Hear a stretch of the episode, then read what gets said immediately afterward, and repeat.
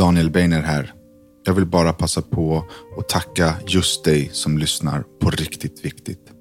Jag är så glad och tacksam över att just du lyssnar. Den här podden förändrar människor till det bättre. Den är så viktig. Och vill man så kan man stötta arbetet med Riktigt Viktigt genom att bli medlem på Patreon www.patreon.com riktigt viktigt.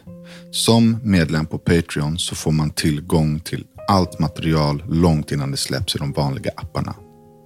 Tusen, tusen tack för din tid.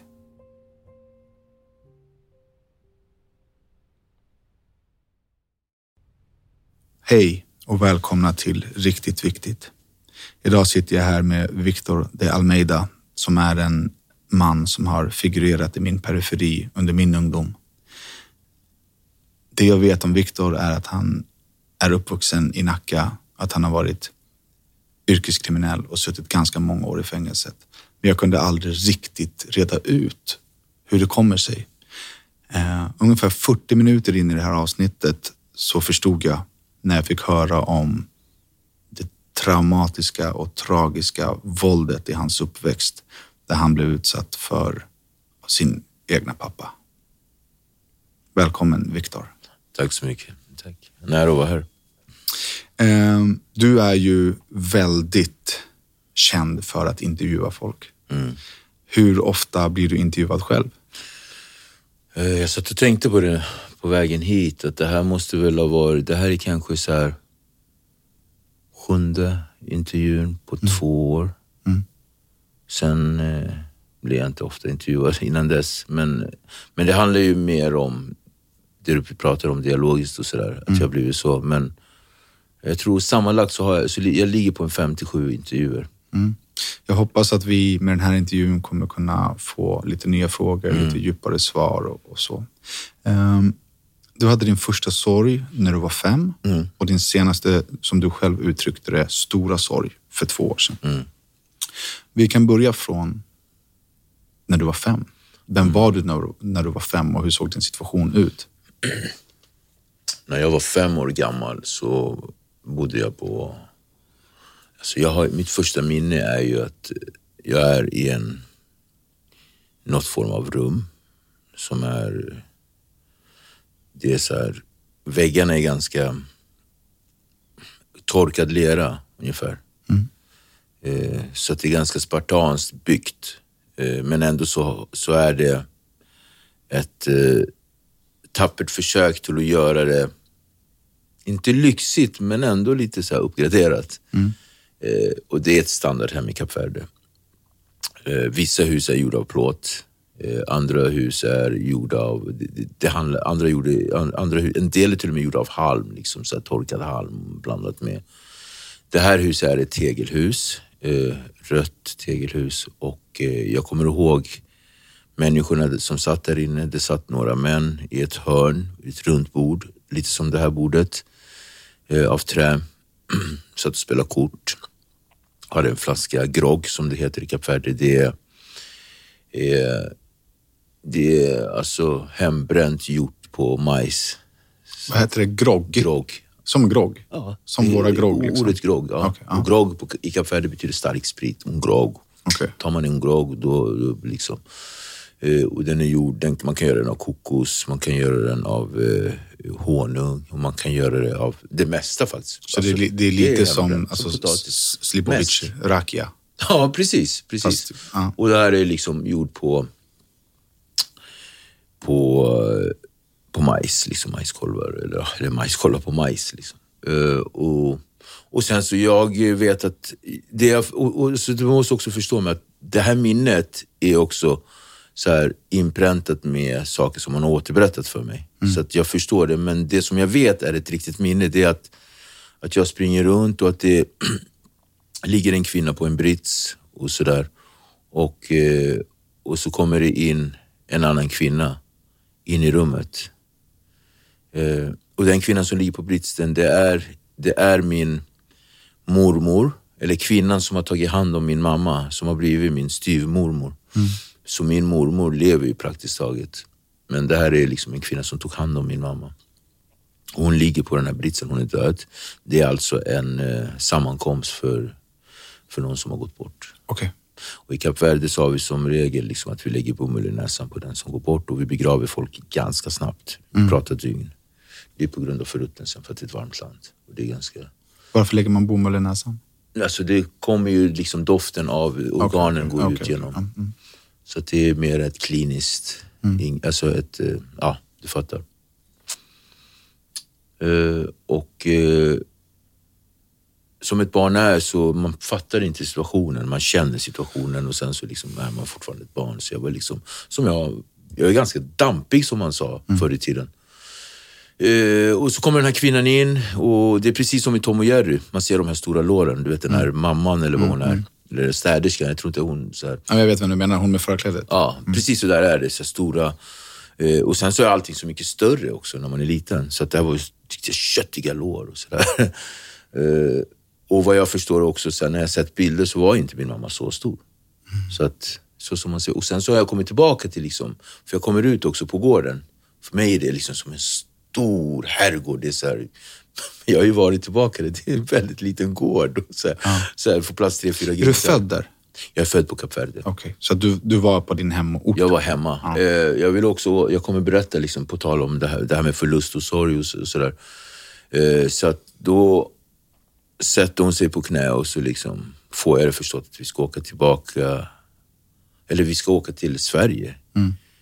Men någonstans på vägen så vet jag att det ska bli jidder i det här samtalet. Och jag vet inte om det är flera dagars eh, eh, konversation. För logiskt tänkande så tror inte jag att hon bara kommer dit första dagen och man, alltså begravningen. Men det var din mamma som kom? Det är min mamma Ah, okej. Mm. som kom. Min mamma kom dit och vi ska åka till Sverige. Kommer jag ihåg att det har hon sagt till mig och att jag har och att jag var så bråkig. Så det är en process på flera dagar tror jag. Jag tror Mm. nästan en vecka. Så begravningen har ägt rum och jag kommer ihåg också begravningen när jag tänker kommer ihåg begravningen så det är alltså en helt annan dag, förmodligen två dagar efter eller någonting. Hur i Kap Verde har man ju gråterskor och så här.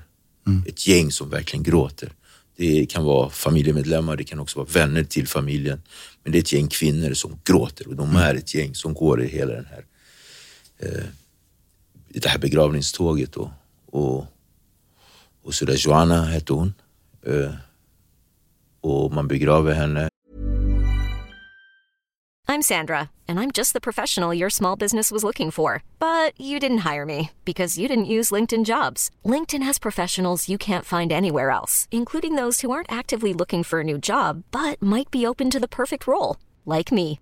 In a given month, over 70% of LinkedIn users don't visit other leading job sites. So if you're not looking on LinkedIn, you'll miss out on great candidates like Sandra. Start hiring professionals like a professional. Post your free job on linkedin.com/achieve slash achieve today.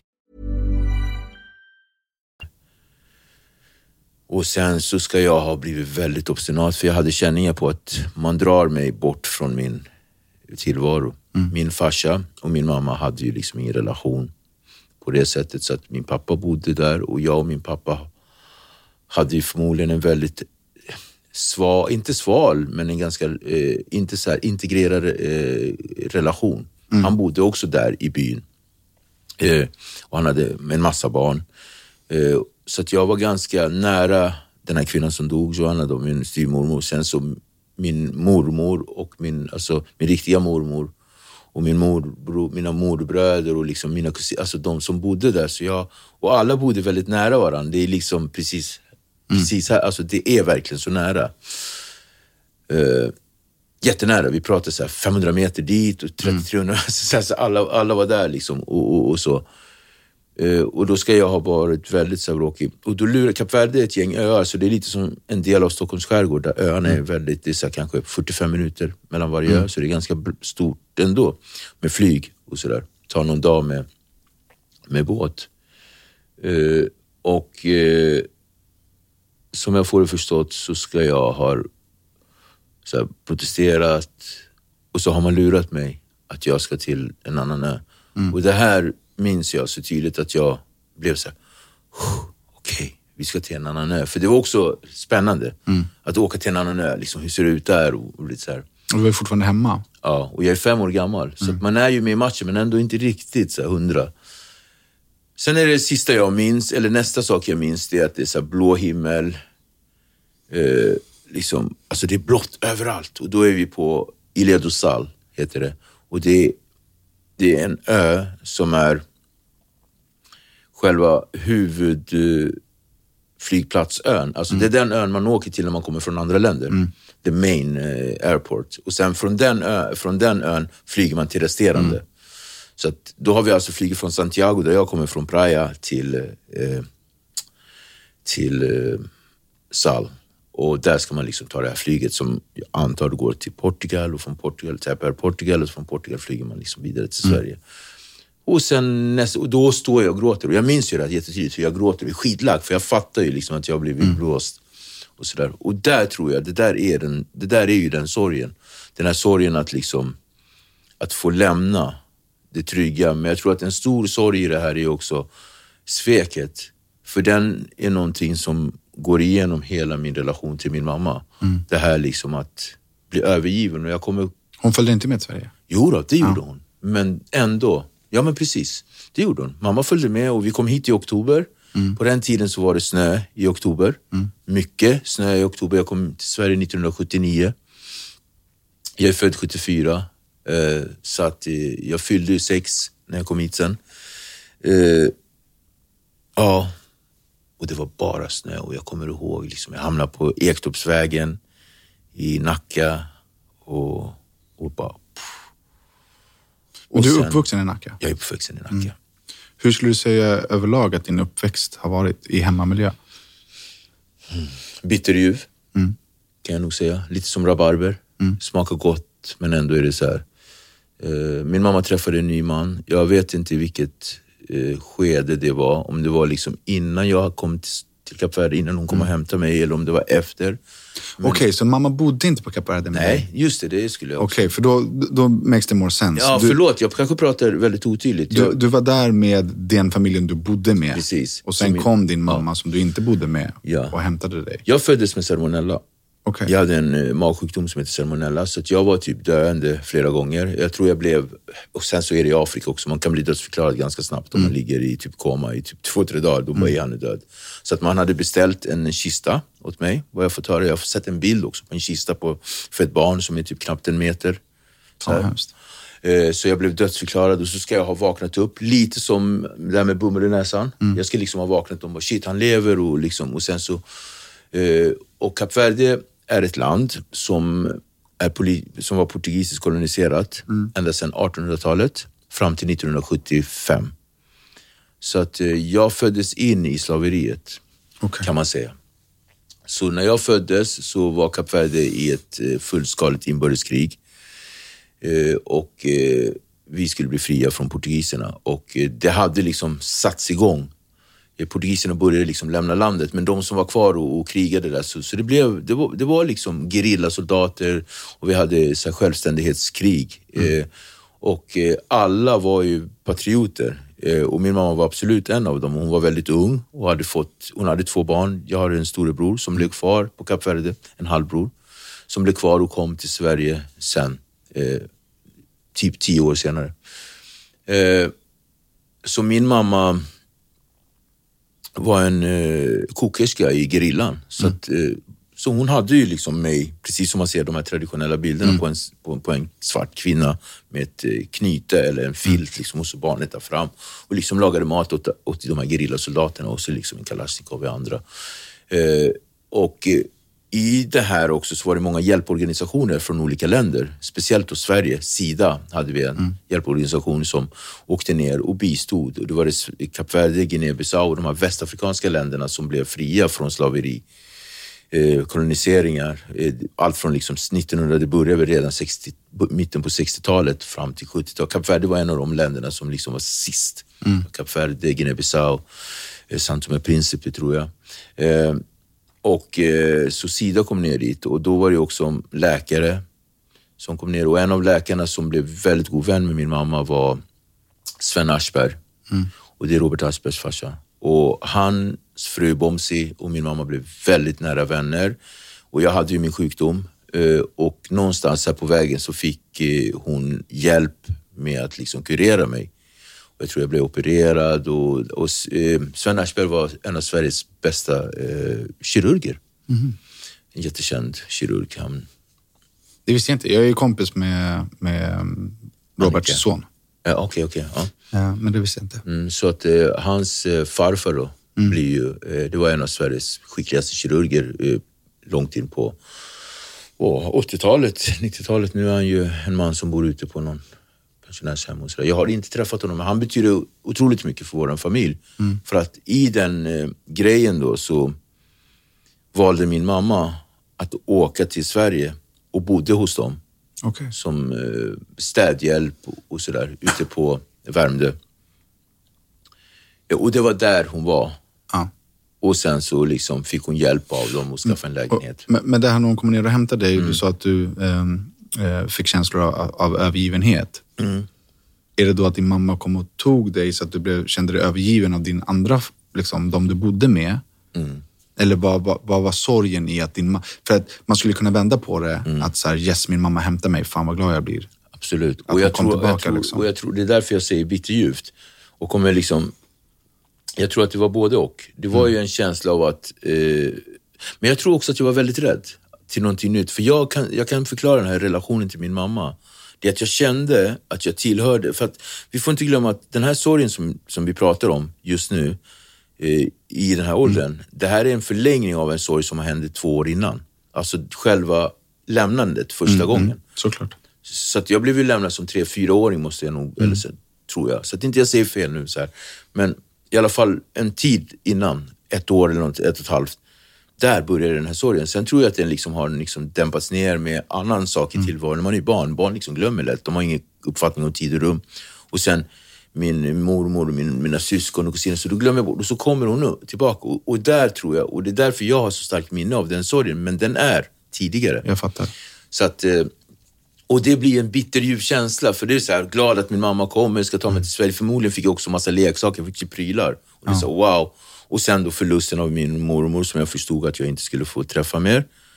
Och sen tror jag också, och så i det är det det här sveket då. Att man har ljugit för mig. Det är alltså att, för, En lögn är ju eh, så jävla svår att reparera. Mm. Jag eh, bestämde mig för ungefär tio år sedan att inte ljuga. Mm. Det är svårt att leva ett liv utan att ljuga. Liksom. Mm. Och när, jag, när jag säger det, att eh, här, inte ljuga, jag kryddar gärna historier så att det blir roligt och hit och dit. Men jag, jag, jag, jag ljuger inte. Mm.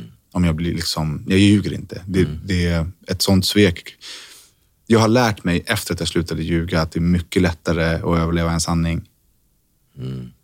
Om jag kommer till dig Viktor och säger så här, Viktor, det här har hänt. Jag är ledsen. Än att det ska gå ett halvår och du ska få höra det på omvägar. ja, jag fattar. Då är ju alltså dag ett sanningen en mycket bättre väg. Även om det är läskigt, även om det är svårt, även om konsekvensen är något du är rädd för, så är lögnen ändå värre att hantera för båda parter. Jag köper det. Och det är, och det är, det är, det är svårt alltså. Att bli ljugen för. Alltså, du vet, jag, eh, min dotter, det här är många år sedan, men jag, jag hade fått ett samtal om eh, att hon hade rökt.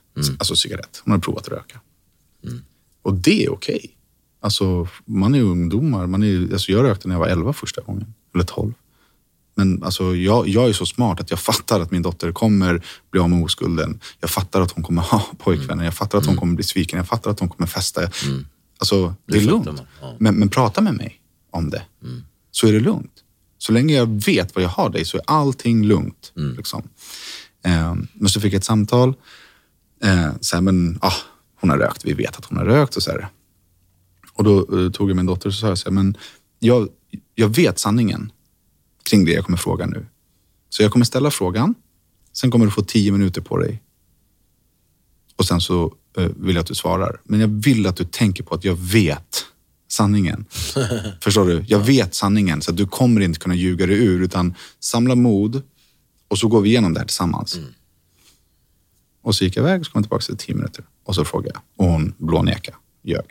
Det gjorde så sjukt ont i mig. För att jag har alltid tänkt att så här, om jag coachar henne till att inte ljuga, om jag visar att det inte är farligt att vara ärlig, så kommer vi liksom, liksom som superhjältar undvika att hamna i den klassiska tonåringsljuga för sina... För det gör alla tonåringar, det är inte konstigt. Och det har jag lärt mig efteråt att så här, man har inte konsekvenstänk när man är i den åldern. Nej. Så även om hon får facit, att det är lugnt, så kan hon inte liksom applicera det. Eh, men det var också en sån så här, riktigt uppvaknande för mig. Bara, shit, jag vet ju sanningen och jag gav henne all chans i världen att möta mig i det här. Och, och jag visste att det fanns en risk för att hon skulle neka och det här är inte värsta grejen. Jag fattar, alltså, hon tjuvrökt. Det är lugnt. Men ändå så fick det mig till tårar. Okej, ja. För att jag kände mig så sviken över lögnen. Och är man då ett litet barn som blir sviken av sin förälder som tyvärr väldigt många barn blir så är det klart att det sätter sina spår. Liksom. Jag tror att eh, det, det också tyvärr blir ju en, eh, en ond spiral. För att jag vet inte om min mamma liksom fattade den grejen. Förmodligen inte. Eh, och, så, och det tog ju många år innan jag fattade varför jag har haft någon form av... Alltså jag har aldrig gått omkring och varit sned på min mamma. Nej. Inte den känslan, men jag har haft någon så här... Det har varit någon mode hela tiden under hela min uppväxt. Det är så här, eh, men, jag, men jag kommer komma till det, vad den här också, hela den här eh, den här känslan av, ja men alltså sorgen, i, sorgen är ju för det första övergivenhet och någon form av svek. Eh, och sen i och med att jag som idag som vuxen kan prata om det sveket på ett sätt som att jag inte blamear, så blir det att jag lägger en helt annan vikt på själva sveket. Men när jag är liten så, så är det en återkommande grej. Ja. Och jag förstår hennes handlingar idag, men det kunde jag inte göra då. Och framförallt inte det som komma skall efter. Som jag berättade så kommer vi ju till Sverige och vi bor i en liten etta, vad jag förstår, jag och min mamma. Eh, och vi hade det så här, vi hade rätt mysigt. Vi hade, vi hade så här en mode, jag och min mamma. Eh, jag var ganska kvickt barn. Jag lärde mig prata svenska på så sex månader, flytande, jävligt snabbt. Det gör man när man är i den åldern. Jag älskade bibliotek och läste. Eh, Jag började, jag fick den stora äran att börja skolan ett år senare för att lära mig språket. Så förmodligen så är det en romantisering att jag ska ha lärt mig svenska så snabbt. Förstår du? Eller så var det att man bara ville få mig att... Men du har bra svenska? Jag har otroligt eh, bra svenska och jag tror inte... Så, jag, så det kan vara en romantisering, men det behöver inte vara det. Jag vet inte. Men i och med att jag fick börja skolan ett år senare så, så tror jag att det handlar mycket om att Viktor behöver landa. För att jag kom ju precis när man börjar skolan. Alltså jag var ändå sex och sen så på den tiden börjar man i skolan när man är sju, åtta, sju. Mm, sex tror jag. Sex års verksamhet. Ah, nej, Du är äldre än mig. Nej, Ja. det fanns inte. Utan man började i skolan när man var sju, åtta. Mm. Det, det fanns inte det här sexårsverksamhet eh, idag, vilket är synd. Men så det blev ju också så att min, min klass är 75 och jag är 74. Men jag är född ganska sent på Mm. året och etc. Eh, och jag också kommer ihåg min svenska, på tal om det. När jag gick i skolan så var det jag som hjälpte mina klasskamrater med svenskan. Så att jag var ju ganska... Mm. Men gick du i Nacka i skolan? Jag gick i Nacka, jag gick i Ektorpsskola. Jag började i Ektorpsskola och eh, jag kan säga att jag, eh, och därför när du frågade hur var min barndom bitterljuvt, för att jag hade en fantastisk, fantastiska förutsättningar. Jag är uppväxt i Nacka, vi har Dunes utskog, vi har Långsjön, vi har eh, Järlasjön, vi har liksom Nyckelviken och sen så, så kommer hela reservatet ända bort till Ältan. Ja, men, ju- så här, du vet, wow. Eh, Eh, Och på min gård där jag bodde, den var väl ganska okej, men gårdarna där runt omkring var bättre och bättre och bättre. Vi hade villområde, vi hade Nacka sjukhus och ungarna som lekte på gården, det var barn i alla åldrar. Alltså vi hade typ en 16-åring som hakade fast med oss och spelade i burken. Men var det segregerat? Eh, nej, det vill jag inte påstå. Eh, det var ju, alltså det här är ett svenskt område. Ja, men vi hade ju liksom eh, romer, eh, finska romer, vi hade mycket, det var ju mycket finnar. Uppifrån Henkan? Ja, ja de, nej, Henkan, jag ska komma till Henkan också, men, men det här är ju en bra bit bort. Eh, så att vi hade, majoriteten var ju liksom svenskar och fins, finnar. Men kände du dig som en minoritet som barn? Eh, jag var minoritet, men jag kände mig inte som en. Okej. Mm. Eh, jag, jag, jag har ju fått frågan här, när jag blivit så äldre, så här, rasism. Jag har aldrig så här, känt av rasism, men jag, var, jag blev utsatt för rasism. Men jag kände inte av den. Ja, okej. Eh, så så var det. Men grejen är att i den här, hela den här vevan så, så kommer en ny person in i vårt liv. Och det är min mammas man, som blir, det blir min pappa, min styvfar, som är en periodare. En eh, gravt alkoholiserad man när han dricker. Men han var ju som sagt perioder, så han hade perioder då han inte drack och då var det kanske världens bästa människa. Han var duktig på allting. Så här. Vi kan säga det. Jack of all trades. Han var liksom bra på snickra och skit. Han, du vet, han, han var tränare i aikido. aikido är ju ingen sport man skryter med idag, men på den tiden så var det, liksom, det var antingen jujutsu, aikido eller judo i Nacka simhall. Och vi och, och Nacka har ett starkt friluftsliv. Antingen spelar ungarna fotboll eller spelar man hockey. Jag gick till och med på rådel. Hajar du den då? Det Men det är, det, är en, det är en rik kommun. det är en rik kommun. Så att, och, och, och, hade man inte föräldrarna som följde med, vilket jag faktiskt inte alltid hade. Jag hade ju farsan, vi gjorde det han tyckte om att göra. Men refererar till han som farsan idag? Absolut. Ja. okej. Absolut. Eh, Och hade inte jag farsan som hakade på, vilket, men jag och farsan umgicks ganska mycket, speciellt när jag var så där liten. När jag var liksom mellan fem, alltså fem, sex år av mitt liv i alla fall var väldigt intensiv med honom. Alltså verkligen. Och jag vill bara, så här, bara berätta för dig hur han var som person, för han var väldigt eh, bra på, på det mesta. Och det starkaste minne av honom var liksom när vi meckade. Jag fick en moped när jag var 12-13. Då fick jag en sån här Crescent kompakt som man liksom trampade igång. Och på den tiden så byggde Hammarby, Hammarby sjöstad fanns ju inte, det var ju liksom Lugnet. Lugnet, ja. ja. och dit brukade vi, vi brukade alltså gå från Ektorp, långa promenader, längs Järlasjön, Fintorp, hela det där löpet. Och så ner förbi Lugnet och rundade den. Och så gick vi ända upp i Hammarbyhöjden och så rakt in och så kom vi ända bort till Bagarmossen. Den promenaden brukade vi ta typ en gång i veckan. För farsan hade en lägenhet i Bagis där han söp. Så det var hans, hans tillflyktsort.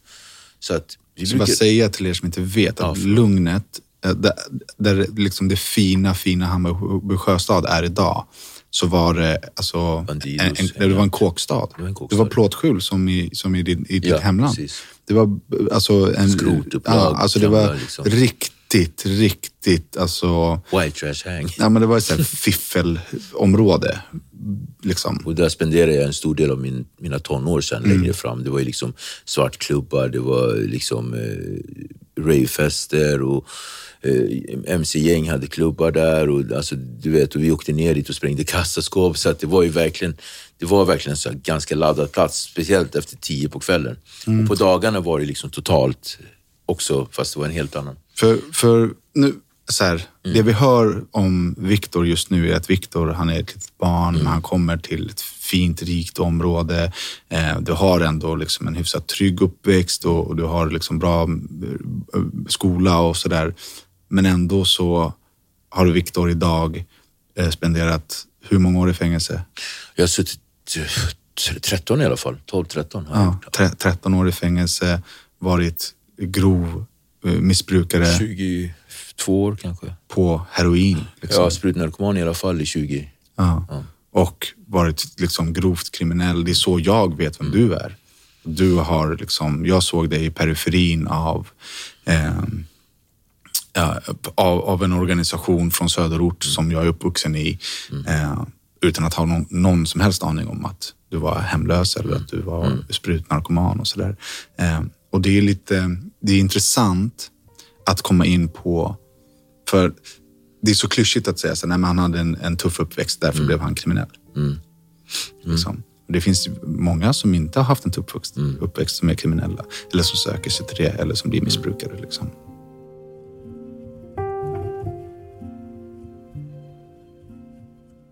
När skulle du säga att en breaking point i ditt liv var? När, när började du snegla åt Det andra hållet. tuffa grabbar eller åt... Oh, wow. Den är en så bra fråga för att den har jag liksom också funderat på. Men jag tror att det slog mig ganska tydligt just nu att när vi var 12 så eh, när vi var 12 så brukade jag, jag, jag fick ett, ett nytt kompisgäng eh, som var romer, polska romer. Och de bodde en bit bort, de, skvalt, eller inte, de bodde i Skogalund. Skogalund är ungefär tre, fyra, fem kilometer bort från Ektorp. Liksom. eh, inne, strax innan Nacka Forum. Eh, och de hade fått en stor villa, alltså en skitstor så här, så här, typ 8-9 rummare av SOS. Och där bodde de med sina barn. Och de hade åtta killar, åtta söner och ett hem, hembiträde och ja, polska romer. Eh, och jag blev polare med deras... Och första när jag träffade dem... Med deras barn? Deras barn. Eh, sönerna var ju också i olika åldrar. De var ju liksom allt från eh, åttaåringar upp till min ålder. Och jag tror att jag blev polare med dem. Jag typ- jag måste ha varit typ 10, 11. Så att de var ju liksom... Det var ju liksom de var ju intensiv ålder. Alltså det var ju så här... I, det var inte mer än tio års skillnad på alla barnen. Eh, och eh, de två äldsta blev ju mina polare, och speciellt den äldsta. Eh, och vi började umgås. De kunde inte så bra svenska. Eh, återigen, jag var en person som var ganska bra så medlare, så att jag kunde ju bra och jag var ju accepterad. Jag var ju därifrån och de kom in. Men de var ju också väldigt bråkiga. De stal grejer. Det, det var, liksom, det var ju på tapeten att man snodde cyklar. så här, och, och i fritidsgården så tog de pingisrack. Samtidigt som de var ju väldigt så jovialiska och, kunde dansa och sjunga och liksom var atletiska på det sättet, så var de ändå barn till en familj som hade kultur av att man själv. Man åkte liksom med familjen ut till Skvaltan eller till Ica, Ica eller, liksom, eller då hette det Tempo, liksom, och SO-macken. Och så snodde de, klä, snodde de och så liksom kunde man lägga det på barnen. Så jag var ju med i de här löpen i, och, och stal och liksom fattade inte liksom själv och, och blev väldigt mycket utnyttjad för jag, jag stal ju grejer och gav till dem så liksom så här, till, till föräldrarna. Men det som var grejen var, det jag ville komma fram till, att en sak som var jättetydlig, det var när vi var, jag tror att jag var 11 eller 12 och alla andra var jag var ju typ den äldsta. Och, och den, deras äldsta son var 75 och jag är 74, men precis. Och man började, det här med att panta burkar var ju ganska nytt. Så att eh, alla skolor i hela Sverige gick runt och pantade burkar, speciellt när man skulle på klassresor. Så att vi fick en idé, men vi åker runt och plingar på dörrar och så säger vi att vi ska på klassresa och så liksom och så fanns det, bredvid mitt hus, eller en bit bort från mitt hus, så fanns det ett par, en far och en son, som bodde i, tillsammans. Och eh, pappan var väl kanske, kan ha varit 70, 75. Och sonen var runt 40. Sådär. Och de bodde tillsammans. Och de var alkoholister. Mycket alkoholism i Nacka, vill jag säga faktiskt. Och den var osynlig också, det här Det är det, som är, folkhemmet det är det som är skillnaden. Det är mycket alkoholism i Sverige. säga. överlag. Precis. Och på den tiden så kunde så här, alkoholismen kunde skymta till. Det var verkligen på det sättet. Och vi hade ju liksom en... Eh, den här dagen kommer jag ihåg för Jokkmokks-Jocke, om du vet vem det var, han bodde ju där precis. Så han gick ju runt med de här lappkläderna och var som en eh, galjonsfigur där och liksom gick med och, så här, och var glad och folk gav honom pengar. Så han var ju alkis också. Så kommer jag ihåg att han kom förbi där. Han bara, vad ska ni pojkar? Han bara, vi ska, liksom, vi ska panta burkar, fråga burkar. Så då hade vi liksom en stor säck där vi gick ju runt. Så då var det jag eh, och de här eh, två bröderna och eh, den yngsta lillebrorsans kompis. Och vi var fyra killar. Så vi gick runt och så här. Och vi märkte ganska snabbt att vi fick ihop ganska mycket pengar. Och då åkte vi ofta in till stan. Åkte redan in till stan i den vid så här 11-12 år- års åldern. Och eh, gick antingen på bio eller så köpte vi liksom Nintendo-spel. Super Mario Brothers eller liksom så här. Eh, och så hade vi så Atari 500 så vi började köpa in en massa grejer. Eh, men då märkte vi att den här fadern och den här sonen, de, hade, de började gilla oss. De bad oss komma in och så började pojkarna dansa och sjunga och sådär. Och vi satt och, och, och liksom pratade mycket om och så gav han oss en hundring och sådär. Eh, och det vi märkte var, Som dricks för att ni dansade? Eller? Ja, så här, bara gav oss pengar. Det var så här, liksom, ja men fina killar här och så gav de oss pengar och sådär. Eh, och sen så märkte vi att de hade en, eh, vad ska man kalla det? Ett hörnskåp som satt uppe i hörnan. Och där brukade han öppna gubben och ta ut pengar och ge oss. Och sen en gång på fyllan, och sonen var ofta redlös. Han låg liksom alltid, alltså alltid, han var typ aldrig där. Det var farsan som hade kontakt. Sonen låg alltid i soffan och var liksom, hade pissat på sig. Och liksom, det var, alltså, du vet, det var verkligen undergång i, i den eh, lägenheten. På Edinsvägen 12 kanske, ja tror jag. jag minns exakt. Och jag kommer ihåg, för på Dinsvägen 11, förlåt, på 11 där bodde han, sen bodde en, en man som hette Glassgubben. Philip Duncan heter han, han var svart amerikan, afroamerikan, som jobbade på GB. Och han brukade komma ut och ge glass till barnen. Skit creepy. Och du vet när man tänker på När var det här, Vad är det för år? Wow, det här måste ha varit eh, 83, 84, eller?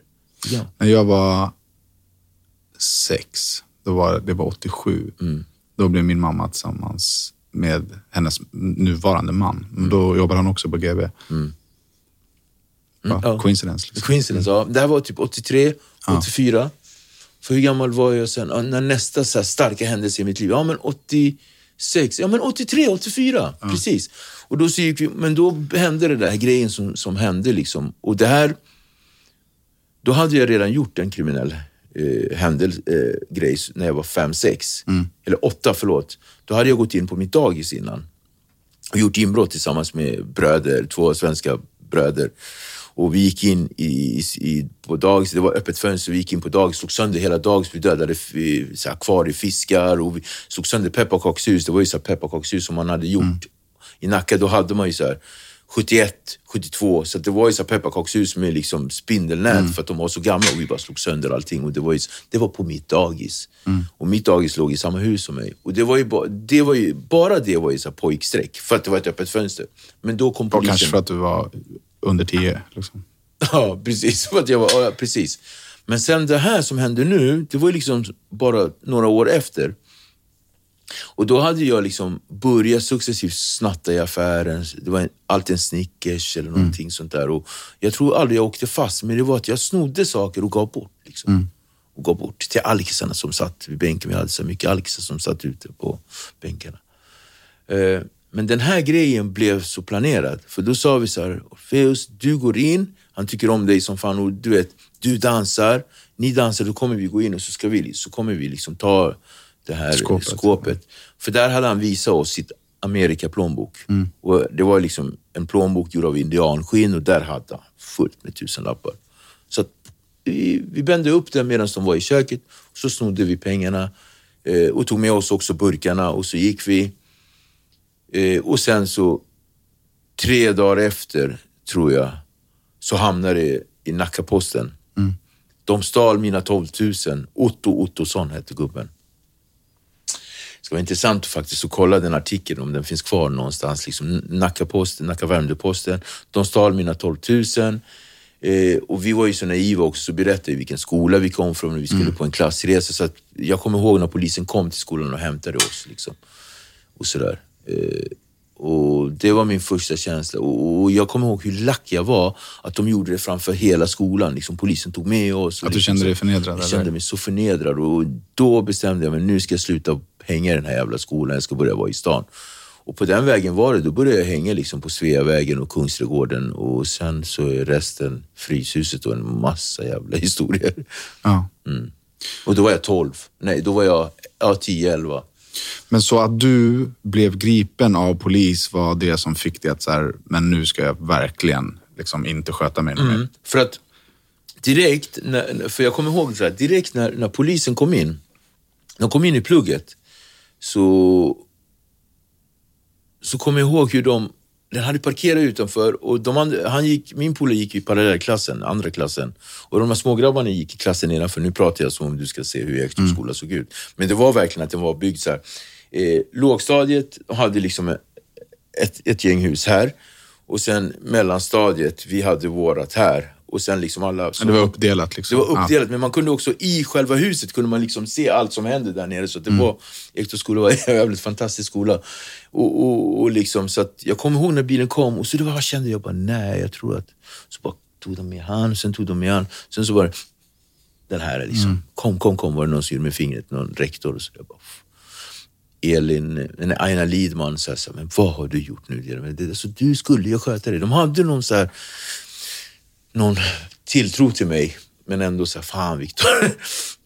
Men sen, sen på den vägen, för sen efter liksom, där polisen förhörde och jag kommer ihåg, jag var ju så här ungen som fick stryk. Jag fick ju mycket stryk.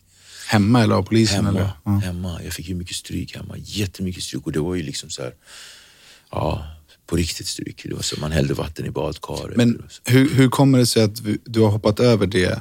I, nu har vi pratat i 40 minuter Mm. och har inte, du har inte pratat om det. Är det för att du inte upplever det som en sorg eller är det för att det liksom är normaliserat? Du För, menar stryken? Ja. Nej, jag hade tänkt faktiskt komma till det. Eh, Jag hade tänkt komma till det. Eh, Och den var jag nästan lite inne på när jag berättade det här med att vi tog den här promenaden. Men jag kom bort mig, så tack för att du tar mig på spåren igen. Men det var när vi kom in på det här med kriminella grejer. Då, då, då blir det liksom... Och det är också intressant. Min historia har ju så olika dimensioner. Alltså det är så här, den kriminella unga pojken, eh, pojken som också var väldigt nyfiken på livet och, och, och tränade jättemycket och gick till biblioteket. Och liksom, jag gick på så här söndagsskola, så jag gick i, sko, i så här kyrkskola varje söndag. Och sen samtidigt så hade jag liksom ett jätte, jättemörkt, jätte, jättemörkt liksom läge hemma. Som faktiskt så länge jag kan minnas har funnits. Och det var den här känslan liksom. När jag gick i min port så kunde jag känna av, liksom, har farsan druckit? Ja, du fick stryka farsan? Jag fick stryka farsan och jag kände så här, "Uff, shit har han druckit? Min morsa slog aldrig mig. Aldrig. Jag tror min mamma kanske har gett mig en ö. Jo, jo, mamma har slagit mig. Fast, nej, mamma har också slagit mig. Faktiskt, men farsan slog mig så brutalt så att det överskuggade morsans grejer. Och eh, jag försöker ha så samtal med min mamma. Än idag så hon förnekar ju att hon har fått stryk av honom, men jag vet ju att så är det ju inte. För hon har ju fått det också. Hon har ju blivit Är han kvar i livet? I livet är han, ja. Ja, Absolut. Inte kvar i hennes liv? Nej, han är inte kvar i hennes liv. Han försvann från hennes liv många år sedan på det sättet. Men de har ju liksom en relation. Liksom. Han är kvar i ditt liv? Nej, inte på det sättet. Sist jag såg honom var faktiskt i somras. På... Jag har ju två systrar som är hans barn och det ska jag också komma till. Eh, Min eh, barndom var väldigt så här... eh,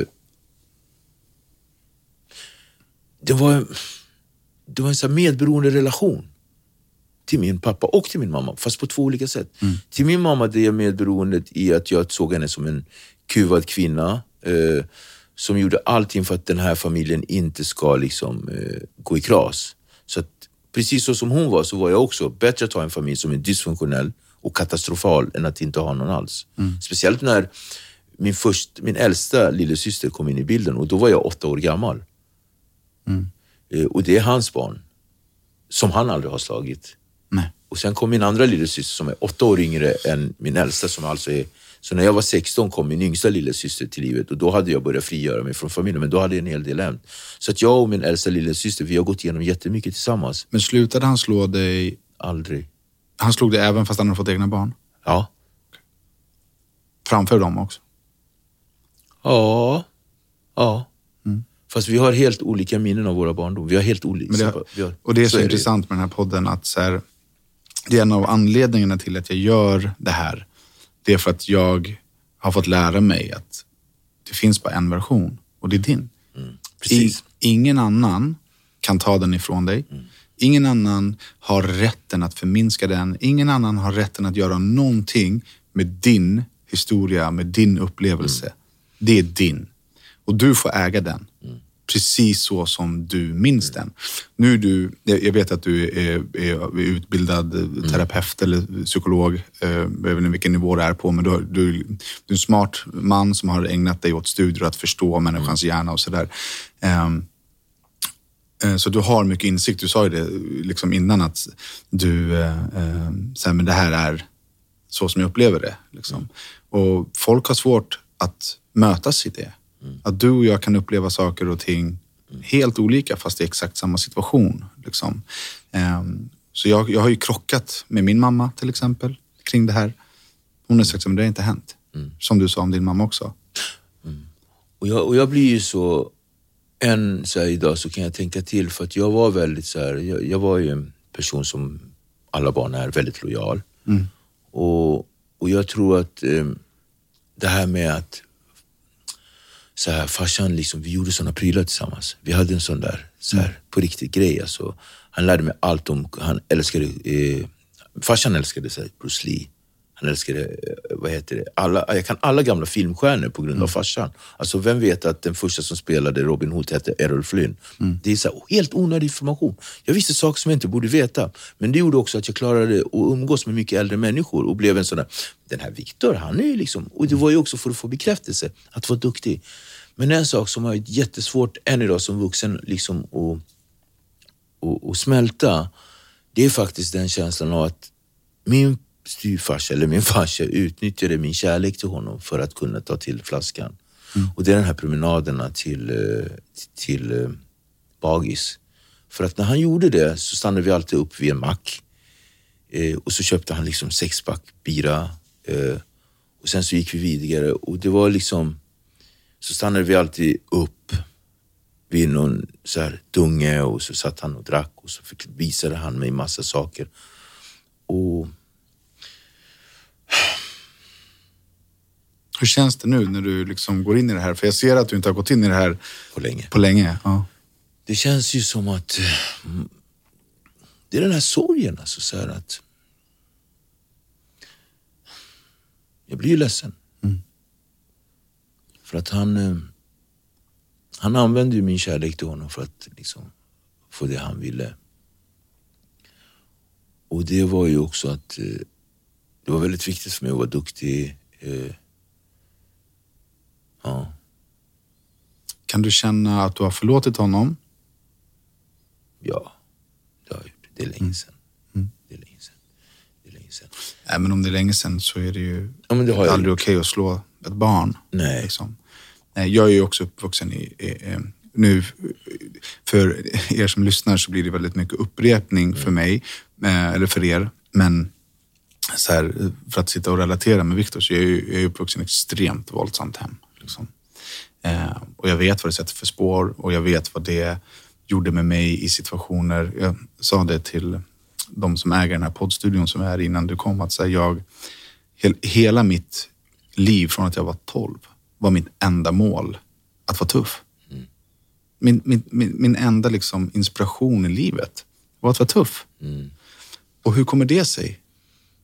Hur kommer det sig att man vill vara tuff och inte smart?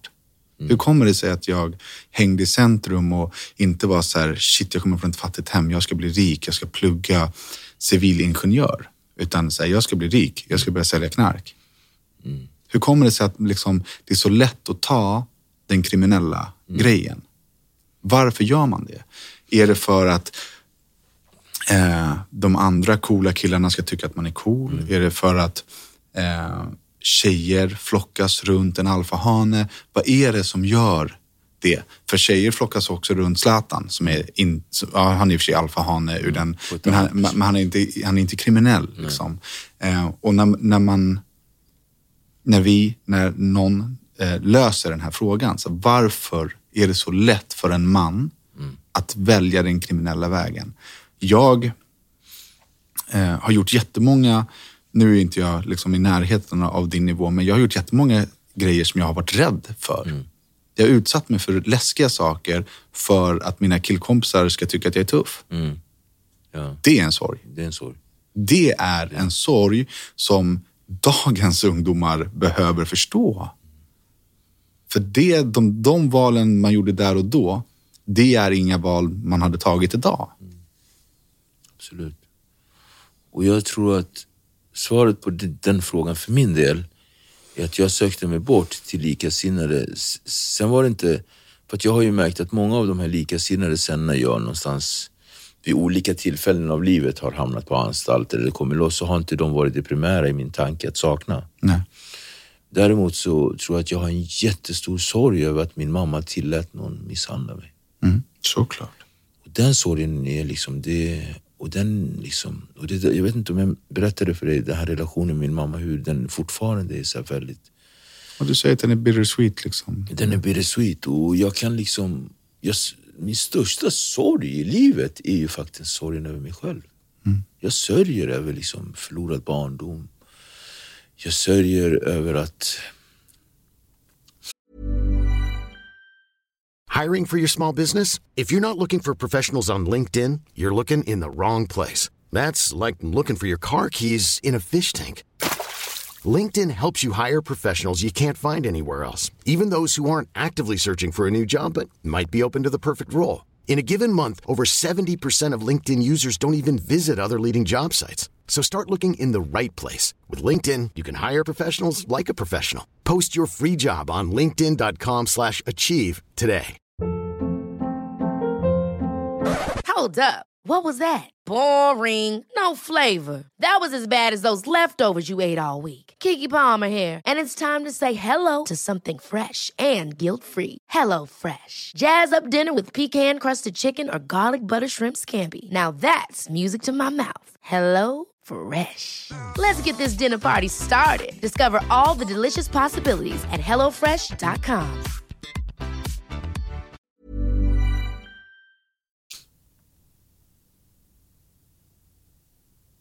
Men känner du att du skulle kunna ha gjort någonting annorlunda? Du säger att du sörjer en förlorad barndom. Känner du att det är ditt ansvar att du skulle ha en bra barndom? Om det är mitt ansvar att ha en bra barn? Nej. Så Inte, jag, eh, när det gäller min barndom så var inte det mitt ansvar att den skulle vara trygg. Nej, och det är min poäng här. Att, så här, Ja, precis. att när du säger att du är, är sorgsen på dig själv för att du har en förlorad barndom. Jag, jag, jag är så, jag, förlåt, jag kanske uttryckte mig. Jag är sorgsen över det som jag blev utsatt för. Jag är sorgsen över liksom, och, och, en, och en sak som liksom är väldigt billigt talat, och det har jag, här har jag inte pratat ofta om, men jag gick ju, jag blev ju, jag blev ju överlämnad ofta, som jag förstår. Återigen det här, jag var ju liksom, och jag hamnade i fantastiska ställen, men någonstans i min barndom så vart jag också familjeplacerad på sommaren. Och det hette inte familjehem, utan det hette så här belastnings... eh, Nej, vad heter det? Inte belastning. Avlastning. Ja, förlåt. Avlastnings... Så jag hamnade i, liksom i Hedemora och bodde där två somrar i rad. Eh, Jag hamnade i ett ställe som heter Hässleholm. Så att jag ju lärt fick ju så här sommarfam- sommarbarn, sommarfamilj.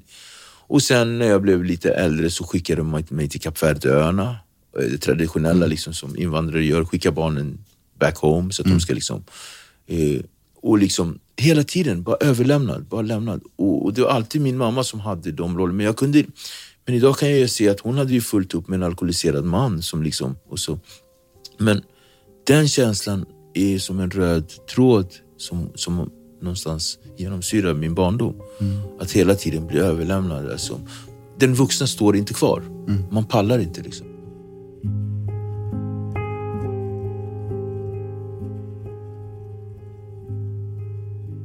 Jag, eh, jag blev placerad på kollo när jag var sex år. Det är ungt ändå. Och då Det var är väldigt ungt. Och då var det 52 dagars kollo. He, alltså hel sommar. hela sommaren. Jag kommer ihåg första gången jag var där. Jag tror att jag grät i 52 dagar. Att Varje dag. Alltså varje, varje dag. Och det är så här... Jag har inte gått in i det här. Jag har aldrig tänkt på det här förrän du sa det nu. Vadå, jag var bara på kollo som alla andra barn. Men hur var det då för mig att vara på kollo? Det var traumatiskt. Nu, just nu, så går jag in i den känslan och återupplever det som var där och inser att så här, wow. Jag, jag blev bortlämnad. Alltså, jag blev bortlämnad. Ja, och jag vill inte vara där. Och jag, och jag kommer ihåg också där, familjerna som jag var också, de var ju så snälla. De tyckte, de tyckte om mig och de var så här, men du vet så svenskar ute på landet. Speciellt den här Hässleholm-familjen. Eh, Verum hette det. Och jag, Mm. Eller någonting. De var skitsnälla, alla var rödhåriga i familjen också. Det var helt så sjukt. Så när vi åkte iväg... så- Idag röstar de alla på SD. Va? Idag röstar de alla på Idag SD. röstar de alla på SD. Och de tog ju med mig på sådana här, liksom, eh, alla bodde ju på landet, så då hade man med sig en liten svart kille. Så då vart man ju den här, ja men den Mm. här lilla svarta killen. Och sen de som bodde i, i Vikmanshyttan i Dalarna, Hedemora, de tog ju också med mig till Garpenberg. Mm. Och, liksom, då hade de ju liksom så här, eh, sommarbasarer och så här. Och så jag hamnade på sådana här ställen. Men, och så hamnade jag också på Breviken, heter det, det är i Norrköping. Där, det var ett kollo som jag hamnade i. Och där, då var det så mycket barn. Och det var lite annorlunda. Och sen så det sista, som är den mest traumatiska upplevelsen jag varit med om på grund av att jag inte hade tillit till mina föräldrar. Och jag också ofta fick stryk. Jag vill också berätta det här med hur jag kunde få stryk. Innan jag berättar om den här händelsen på det här kollo i Älta. Och då var det att man tog en buss från eh, där jag bor precis. Så tog man en buss 800 24 går från Ektorp och så går den hela vägen till Älta och så hoppar man av i Älta och där tar liksom några fritidsledare ett tag så är det dagskollo. Ja, okej. Och, ja. och, och, eh, men jag också, om vi stannar i den och bara fryser den grejen och går till hur det är när jag får stryk. När jag brukade leka i, i liksom på gården, om jag kom för sent hem, då fick jag hälla vatten i badkaret och ta fram liksom ett skärp och, och liksom så fick jag, kom jag 12 minuter för sent, då fick jag 12 rapp. Och det spelade ingen roll om farsan hade druckit eller inte, utan det var, jag fick stryk på det sättet. Och när jag berättade det här för, för du vet, så, men Vad gjorde, varför var det vatten i badkaret? Nej, men vatten är ju någonting också, att jag skulle lägga mig i vatten. Och sen så tror jag att det fanns liksom en tanke om att man skulle vara ren också överlag. Så att jag skulle alltid duscha eller tvätta mig. Så att det, jag tror att den kombinationen, eh, liksom, de hamnade i varandra.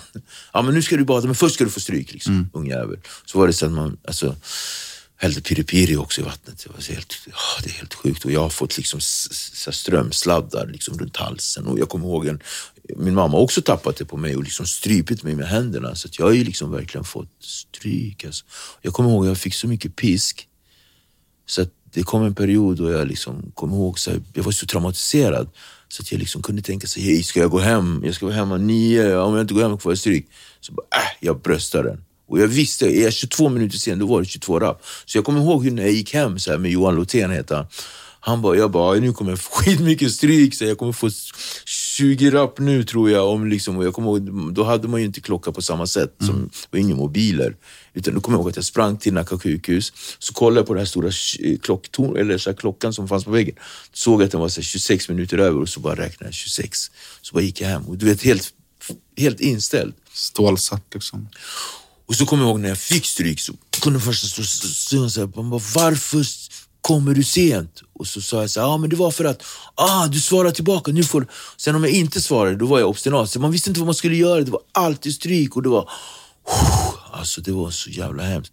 Så kommer jag ihåg vid något tillfälle så liksom min lillasyster så tittade sig igenom så här, dörrslingan och så här, ah, helt rädd. Och då kommer jag ihåg jag ställde mig för för att, liksom, att Skydda henne. skydda henne. Och så här, eh, och, och, och jag rymde ofta hemifrån. Jag hoppade ner liksom, från min balkong. Liksom. Och vi bodde på andra våningen. Det var jättehögt. Jag gjorde värsta grejerna för att liksom komma bort.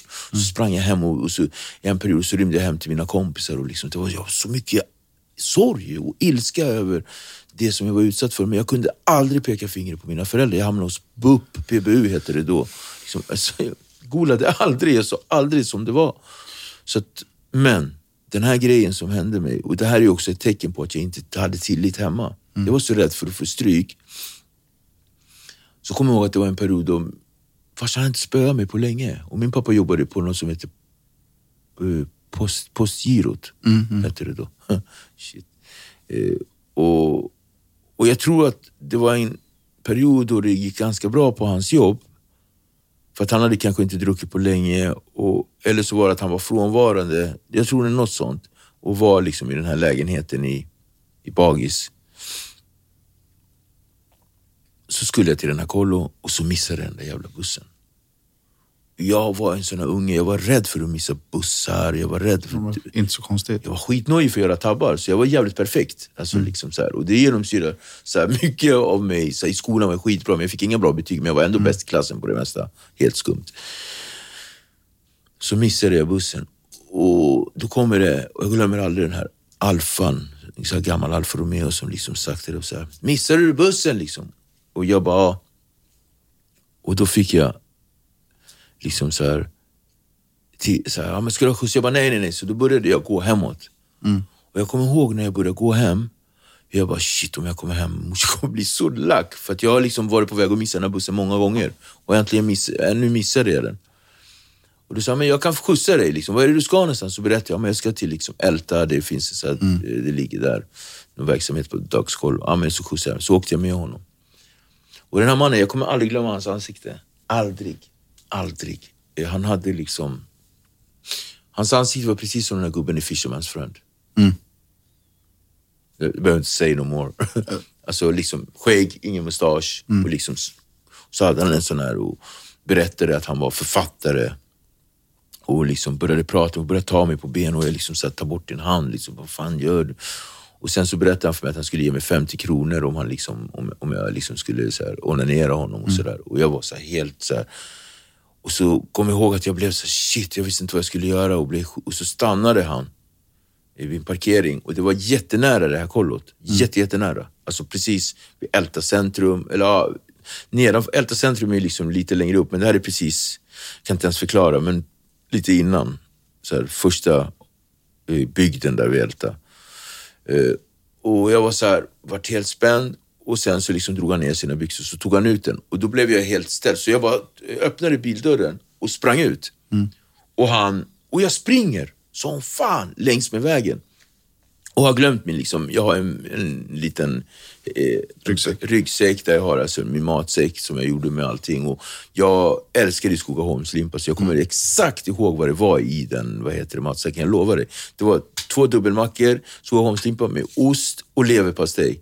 Det hade jag. Och sen hade jag liksom en liten butelj där det liksom var apelsinjuice. Butelj. Det heter så. Ja, tydligen när man heter Victor de Almeida. En det han menar är en flaska. Ja. Ja, men det var en butelj kusin. en liten flaska. Med, och så hade jag nå- något vilset äpple innan jag insåg att jag faktiskt var allergisk mot äpplen. Och så liksom, och så jag bara ihåg och så tänker jag, fan matsäck. Men så vänder jag mig om, då har han, då har han liksom åkt sakta efter mig. Jag är så liten så jag springer så sakta. Här är du. Vilket jävla övergrepp alltså. Och eh, Dwayne heter han som jobbade som eh, fritidsledare, en stor svart kille från, eh, wow, eh, jag kommer till och med ihåg, från e- Ek, Ekliden. Han bodde där. Och han kom ner och sa, hej vad händer? Och han brukade kalla mig shit for brains. Han bara, hej shit for brains, varför, vad gör du? Jag bara, "Ah, det var en gubbe. Så här. Han bara, wow. Och så då liksom slänger han ut ryggsäcken och så bara gör en rivstart och så drar han. Och det där var liksom det enda gången som jag har blivit utsatt. Det där är ett sexuellt övergrepp. Ja, och jag blev utsatt 100%. för det. Och jag har liksom, den enda som vet det var Dwayne. Okej. Och, liksom så här. och jag har ju träffat honom kanske en gång i mitt liv och då var jag vuxen. Mm. Eller, då var jag liksom bråbarkad kriminell. Och jag kommer ihåg när vi, i Lugnet träffade jag honom också på jävla MC-klubb. Liksom. Mm. Så han var, ju, han var ju liksom en tonåring som, pra, som, var, som, som sommarjobbade. Så att han kanske var, när det här hände kanske han var så här, vad kan han ha varit, 15? Förstår du? Och jag var typ 10, 12, till- jag vet inte, något sånt. Så att, men är du med? Mm. Eh, och, men vad jag ville ha sagt med hela den historien, det var skönt att få prata om den tror jag. För jag... Det är därför vi är här. Jag tror vi faktiskt ska inte jag bara, pratat Vi om ska den bara prata sorg. Jag upplever Ja.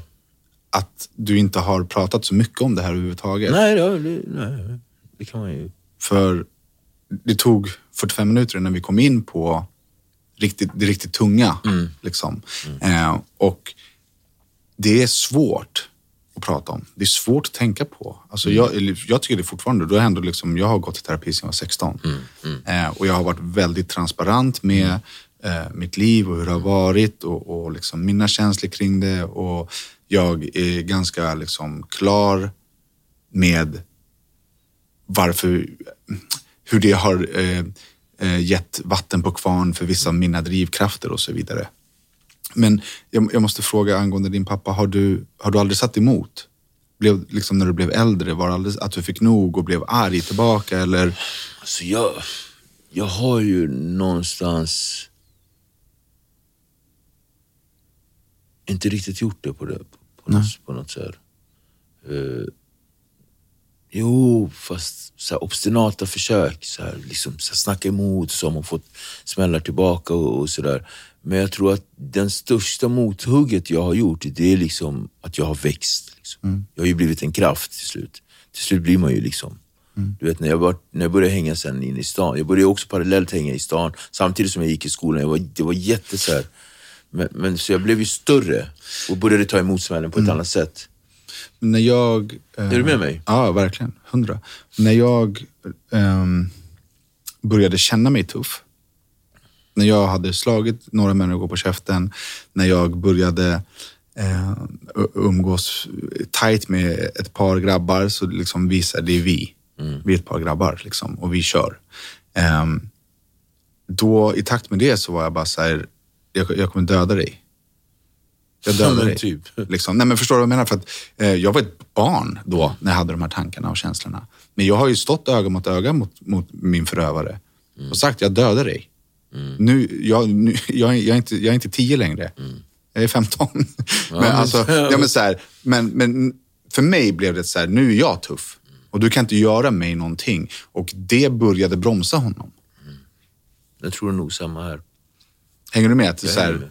Det är så här, vid något tillfälle så räcker det ju om man kommer dit. En annan situation är ju att man är medberoende hela sitt liv.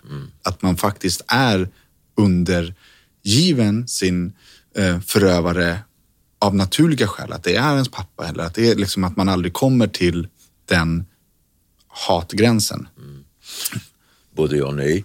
Eh, Jag har ju liksom som vuxen, eh, vi träffades inte på många år jag och farsan. Nej. Alltså många år. Jag sökte mig bort av någon anledning. Mamma hade jättesvårt att förstå varför jag liksom hade så svårt med så förankring i familjen. Jag har fortfarande ganska svårt med, med just den biten, liksom att vara med familjen. Men sen när jag är med min familj så är det lugnt sådär. Men fortfarande liksom. Det är liksom, det är, det är svårt. Eh, obearbetade saker. Men jag kommer ihåg när en av mina systrar fyllde år och så hade vi, Bajenland var det ju, det fin, vad heter den Bajenkrogen som ligger mitt på, vid Björns trädgård? Finns det någon så här, eh, ja det finns ju massor. Typ snaps eller? Jag- Ja, jag fast på andra sidan, den, den ligger liksom vid det där hotellet, pre- precis vid Björns trädgård. Vid det där hotellet, så, vad fan heter det? Heter det Vasa? Eller vet du? Men där... Gröna jägaren. Ja, nej. Gröna jägaren är ju... Skitsamma. En, Skitsamma. Krog, en krog på Söder. Ja, Ja. men en krog på Söder, den ligger precis vid Björns trädgård och, och den är väldigt känd för sina... Eh, och där hade syrran någon grej och så var farsan där och jag kommer ihåg att jag hade inte träffat honom. Jag hade precis blivit nykter också. Så det är det här vi snackar om, det är nu, 2014 kanske. Eh, och då kommer jag in där och så bara, puff, då blir jag ett barn direkt igen.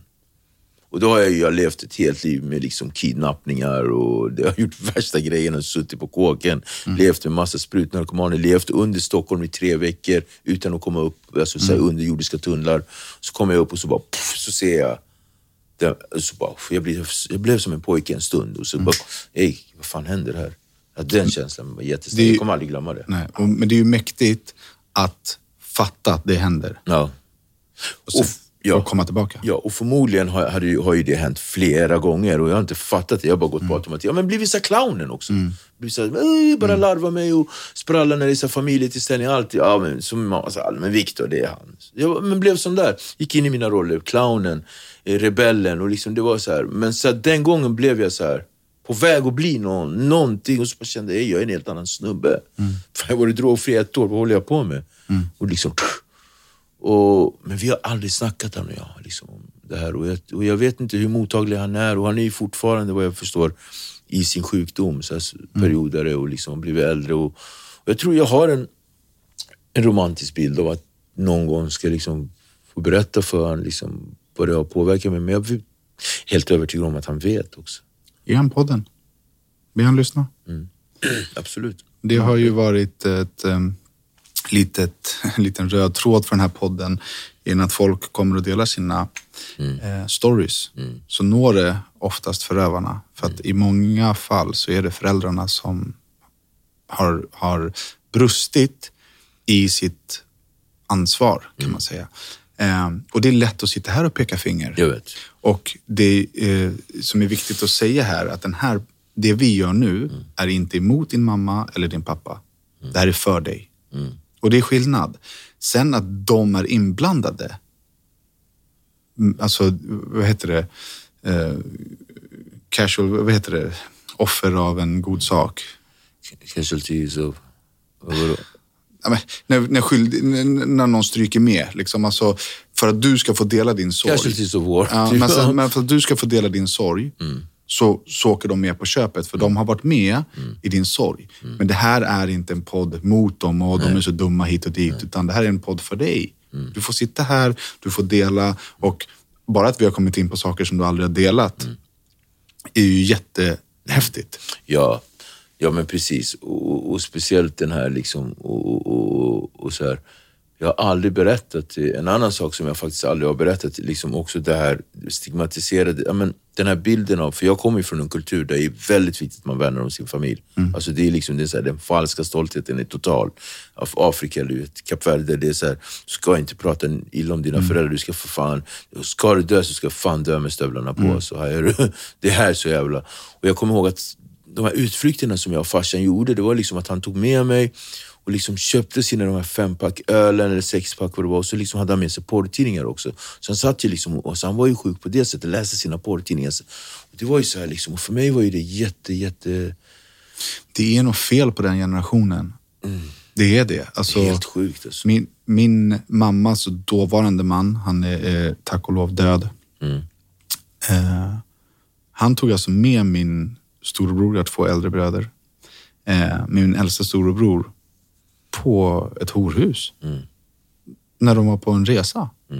Min brorsa kanske var 15 eller 16 bast. Mm. Eller strippklubb eller vad fan det var. Men han tog med sin frus son. När han gick och var otrogen. Mm. Vad är det för fel? Vad är det för fel på dig? På riktigt. Ja, och den här snubben var extremt elak. Mm. En extremt ond människa. Han har gjort, ja, han har gjort mig illa, han har gjort min mamma illa. Han, har, han står för många av mina liksom, sår i Mm. min själ. Eh, men det känns som att den generationen av, eh, nu vet jag inte om din, din farsa är svensk, men den generationen Nej, av, men, eh, men ja. De- Nej, men inte svensk, men ja, jag fattar. just det svenska alkoholiserade våldsamma män känns som att de så här, överrepresenterade fr- från 50 och 60-talet. en tuff tid. Eh, Det var en tuff tid. Och, och, och samtidigt så, så var det ju liksom den här bilden av folkhemmet som man hade, som jag gör inom parentes nu också, där männen var en benstomme. Alltså det var en så helt skev bild av hur, hur saker och ting var. Ja. Nej, nej. Känner du, eller känner du, men tog du något beslut någon gång? Att så här, nu ska jag, du, liksom allierade dig med, med liksom, eh, kriminella organisationer eller Alltså, bara blev jag- det successivt? Det tror jag blev, alltså det blev, det var ju så tidigt också tror jag. Det var ju så tidigt. Jag, jag fann ju gemenskap i olika ställen. Sen var jag en person som har jättesvårt för liksom, eh, att fastna. Så att jag började hänga på olika ställen. Jag kommer ihåg att det bästa som hände med mig var faktiskt när jag blev förflyttad till Drevvikens ungdomshem som 15-åring. Men det var en tillfällig grej, för sen så kom jag hem sen när jag var 16 igen. Men när jag var, när jag var 15-16, då var det kört alltså. För då hade jag liksom börjat vara mycket i stan. Eh, man gjorde ett tappert försök. Jag bodde där ett år på Drevan. Och sen så har jag bott i Jordbro där ett tag. Liksom, så här.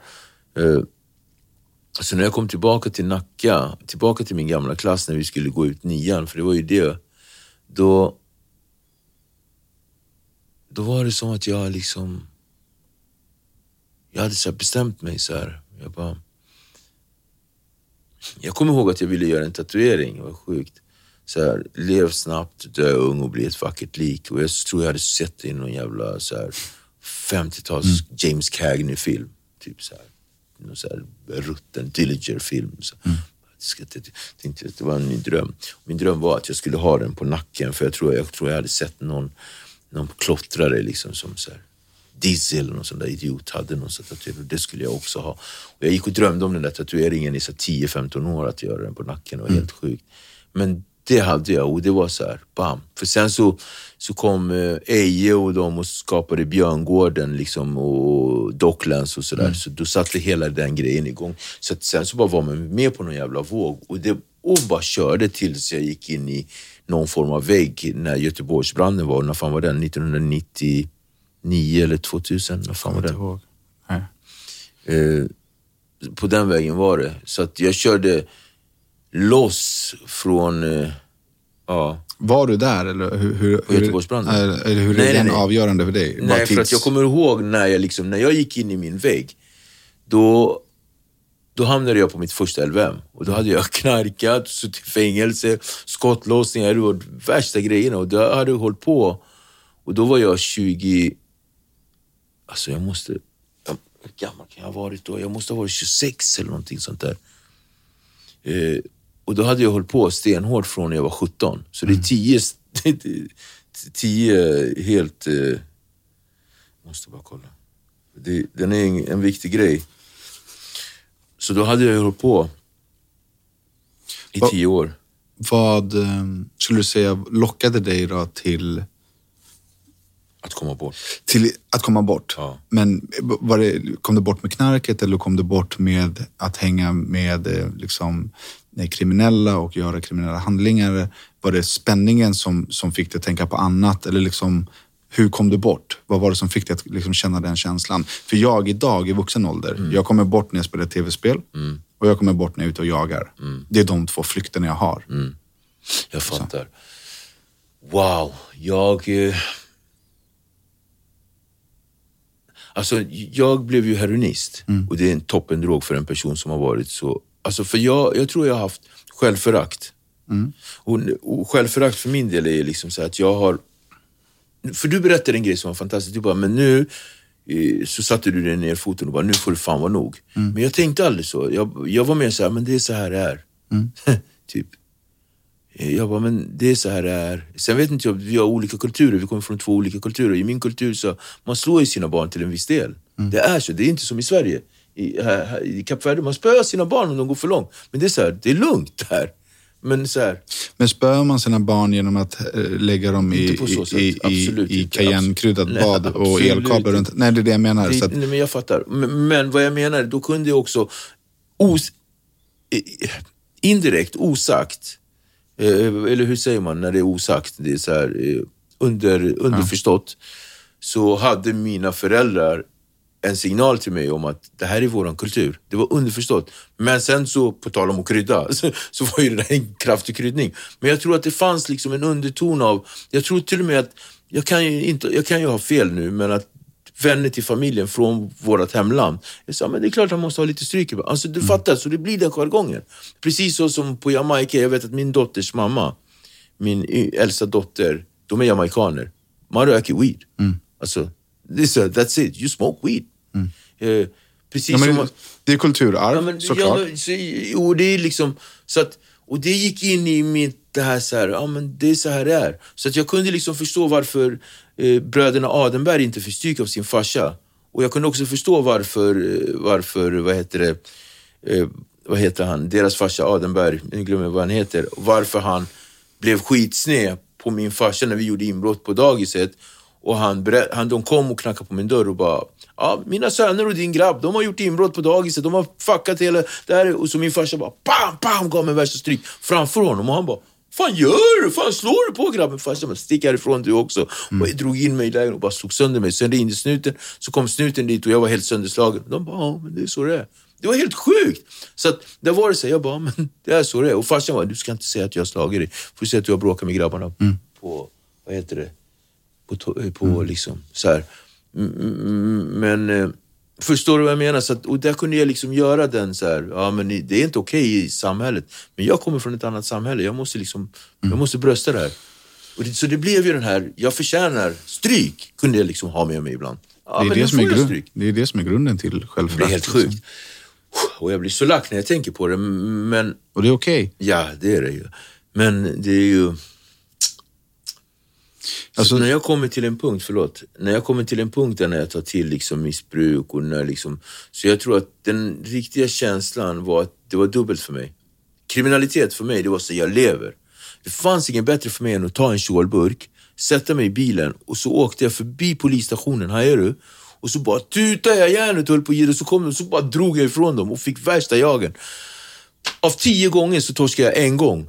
Två kanske, men resten så kom jag undan. När jag kom undan jag var så ah! Och så alltid när vi gjorde ett brott, jag fick en kick alltid när brottet var i sin gång. Alltså det finns ju, jag är plugg, jag är ju terapeut, så jag har ju liksom hållit på med kriminalitet som livsstil. Det finns ju tre sorters kicksökningar i, i ett brott. Före, under och efter. Så det finns vissa människor som känner dem hela tiden. Men de flesta brukar känna kicken efter ett brott, när det är gjort. Jag var den som kände kicken mitt i ett brott. Så att innan så var jag helt så här apatisk. Det var bara så här, reka, eh, och polarna var, en del polare, de gick igång på bara rekandet liksom. Nej, nu ska vi göra det här. Man bara var med. Sen när man gjorde grejen, då bara, där kunde jag leva. Och sen efter, när det var över, då blev jag helt tom. Och där tog jag till droger. Så att jag hade de två. ett var för att liksom leva ut, det är kriminaliteten. Men min drog, min huvuddrog, heroin, det var liksom för att slippa känna. Hur kom du till beslutet att ta heroin? För det, det vet ju de flesta att så här, tar du heroin då är du fucked. över. Eh, Jag ramlade in i heroin på ett bananskal, men jag visste exakt vad jag gjorde. alltså, eh, det, det är egentligen det är en oromantisk bild, men en tragisk historia. Jag hade råkat med min tjej, hon som jag har min äldsta dotter med. Det var den 14 februari 1994. Jag bodde på Henkan då, en soc-lägenhet. Jag hade en sjurummare själv. Jag kastade ut de andra som bodde där. Liksom hade jag värsta maffiafesterna där med polare och sådär. Sen så det var en jävla torr vinter. Eh, fanns knappt någon röka. Jag kommer ihåg att man åkte till så Eskilstuna och Uppsala för att hämta braj. Liksom. Jag rökte ju mycket braj. Gjorde Jag hade rökt braj sedan jag var typ 19 eller någonting sådär. Typ, mycket, två, tre år hade jag rökt. Nu var jag 20. Eh, och, eh, och så var jag i en lägenhet med en polare han bara, vi har ingen rök. Och jag kommer ihåg att jag svettades också för att man inte hade brasset. Och sen så, så tog han upp någonting på folie och så bara rökte vi det. Och jag visste att det var heroin. Jag rökte och jag var inte imponerad. Jag började spy. Jag tyckte, vad fan är det här? Vi går vidare. Så gick vi och gjorde värsta stöten i Norrtälje. Så fortsatte jag min kriminella bana, men ibland så brukade jag röka på. Successivt. Heroin. Heroin. Jag brukar röka ibland så här, i smyg, för jag umgicks med ganska tungt kriminella och det var inte okej att röka heroin. Det var så här, eh, men jag kommer ihåg att när jag rökte heroin första gången och dagen efter när jag vaknade så bara, shit alltså. Fan, jag rökte hasch igår. Jag kommer ihåg hur jag bara vaknade och jag hade, jag hade gjort ett inbrott på ett ställe. Tagit så mycket så jag hade typ så här 50 kostymer och så hade jag typ så här fett med skor. Jag hade så kläder för flera hundratusen. Och bara låg i lägenheten och bara fullt med stöldgods. Och så bara vaknade jag och så bara, fuck jag rökte hårs igår. Vad fan har jag gjort? Och sen så var det som att jag bara släppte det. Och så fortsatte jag min kriminella grej. Och så började jag smådutta. Och sen senare på hösten, den hösten, typ tio månader efter, då hade jag liksom rökt så mycket så att jag började bli så här, abstinent. Så att, Sen blev jag torsk, men det tog mig ett år att bli torsk. Liksom.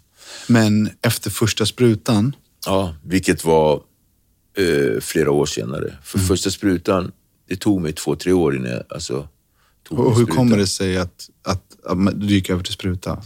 Eh, då hade jag gått in i själva missbruket så hårt så att jag hade ju tappat respekt, eller jag hade liksom, de här gränssättningarna, jag hade ju liksom passerat dem. Eh, och det var exakt samma grej, det var så här, ah, jag bara kör liksom.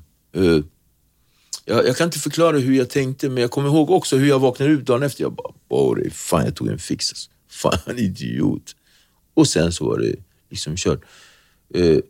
Och, men det var då också, Nej men då hade jag hållit på. Jag började 20 år.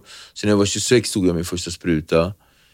Eh, och sen då bara liksom slog det mig så hårt så att jag gick in och gav mig själv ett, liksom ett LVM. Det är lagvård om missbruk. Det är väldigt ovanligt att man går till SOS och säger jag har ett missbruksproblem, kan ni hjälpa mig? Och de var så här, shit, det är typ aldrig en knarkare som gör De brukar ju få kriga för det. Och då var det, det var 1998. 99. Ja men det var då Göteborgs och det var då jag kom, det är därför jag kommer ihåg den grejen. Och sen den dagen har jag krigat för att sluta. Och det tog mig många år. Hur många återfall? Återfall? Nej, alltså återfall är otaliga. Utan jag fortsatte ju knarka.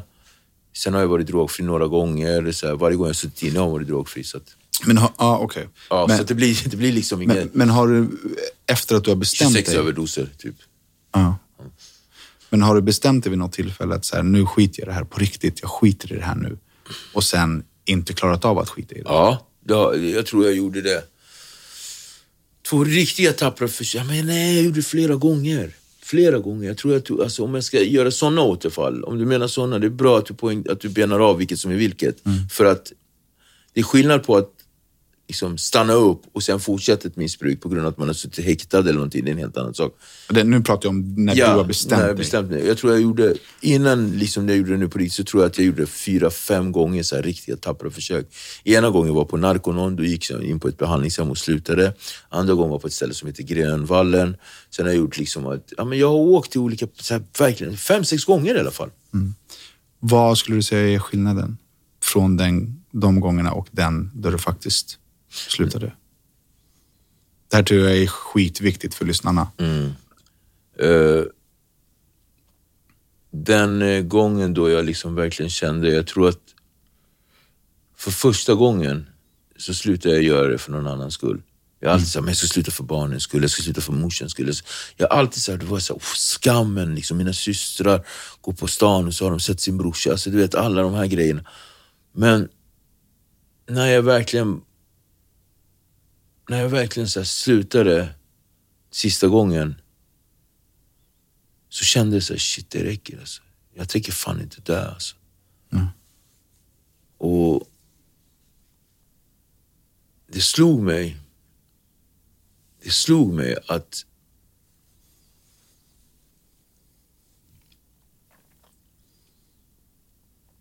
det slog mig att, för min dotter sa till mig en sak. Så sa hon så här, Innan? Ja, då, alltså just de dagarna. För jag kommer ihåg att jag gick in och ut och min sista, min sista dag i missbruket, sista vecka tog jag nio överdoser. Mm. Så jag återkom till sjukhuset minst två gånger eh, på en dag.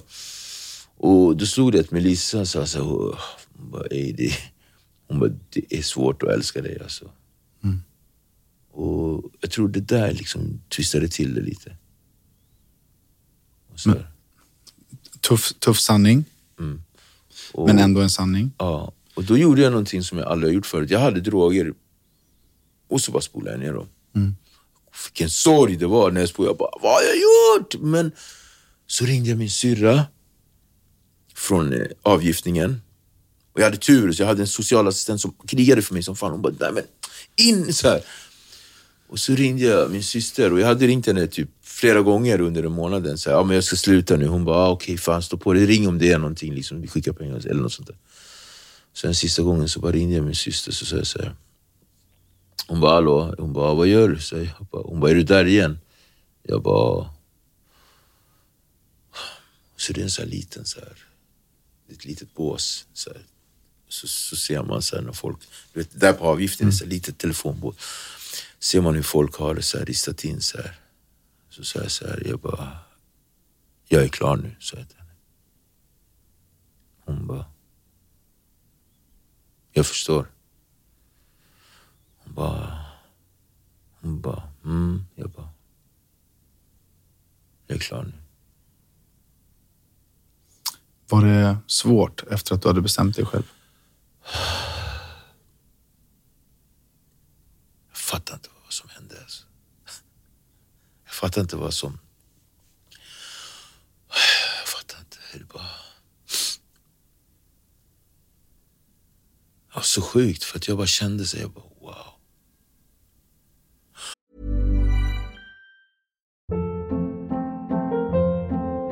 Hold up. What was that? Boring. No flavor. That was as bad as those leftovers you ate all week. Kiki Palmer here, and it's time to say hello to something fresh and guilt-free. Hello Fresh. Jazz up dinner with pecan-crusted chicken or garlic butter shrimp scampi. Now that's music to my mouth. Hello Fresh. Let's get this dinner party started. Discover all the delicious possibilities at hellofresh.com.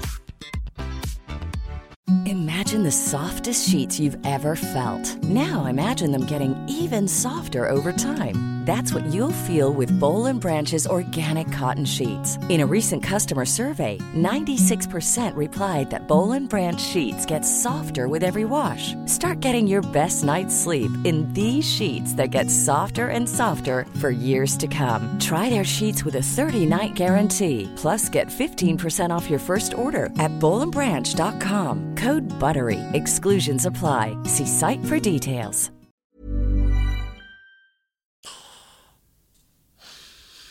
Och jag tänkte på den här lilla pojken som liksom hela tiden har sprungit runt och bara letat efter folk och bara letat efter någon att bara tycka om, någon som tycker om mig.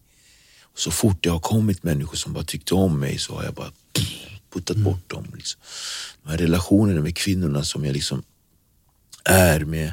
Så fort de har kommit nära mig så har jag bara gjort allting för att bli lämnad och sen för att kunna säga, ja du ser mm. du lämnade mig ändå. Den här mamman som inte stod kvar, det är liksom den som jag har med kvinnor hela jävla tiden. Och jag är där hela tiden och bara bam, bam. Och jag har ett sånt krig med mig själv trots att jag idag är en väldigt respekterad och så här, jag är grym terapeut. Mm. Men när det handlar om mina egna känslor så är det fortfarande väldigt komplicerat. Och jag försöker leva så som du säger, liksom att inte ljuga mer. Mm. Men jag är kvar ibland i så här tragglandet och blir Och istället för att inte ljuga, då blir jag av, eh, vad heter det, då blir jag så här.